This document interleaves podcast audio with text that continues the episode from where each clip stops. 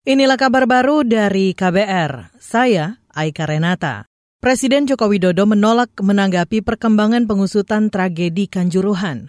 Saat di Istana Merdeka, wartawan menanyakan sikap Jokowi yang tidak lagi memberi pernyataan usai tim gabungan independen pencari fakta TGIPF menyampaikan laporan dalam kasus Kanjuruhan.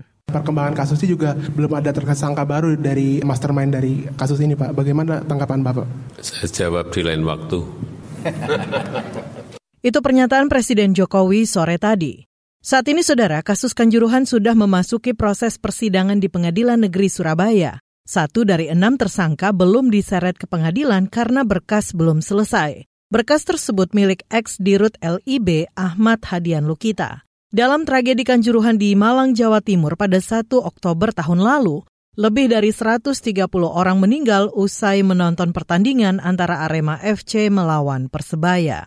Masih dari informasi hukum, Komisi Pemberantasan Korupsi KPK memastikan terus mengejar buronan kasus suap Harun Masiku.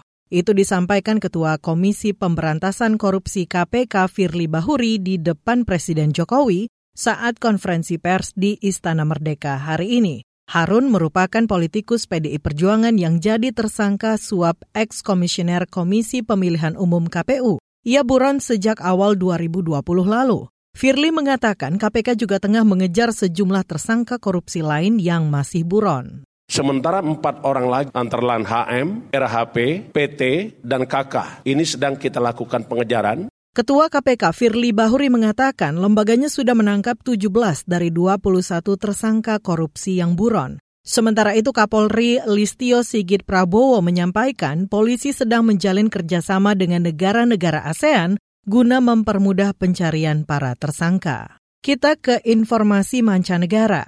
Uni Eropa mengirim lebih dari 20 tim penyelamat ke lokasi gempa di Turki. Tim itu berisi lebih dari 1000 personel. Dikutip dari Antara, puluhan tim penyelamat itu didatangkan dari belasan negara Eropa, di antaranya Austria, Bulgaria, Polandia, Spanyol hingga Jerman. Tim penyelamat itu dilengkapi dengan peralatan medis dan anjing pelacak. Saudara, sebelumnya gempa dahsyat magnitudo 7,8 mengguncang sejumlah wilayah di Turki dan Suriah Senin kemarin. Hingga sore tadi, korban jiwa akibat gempa dilaporkan mencapai 5.000 orang. Demikian kabar baru dari KBR. Saya Aika Renata.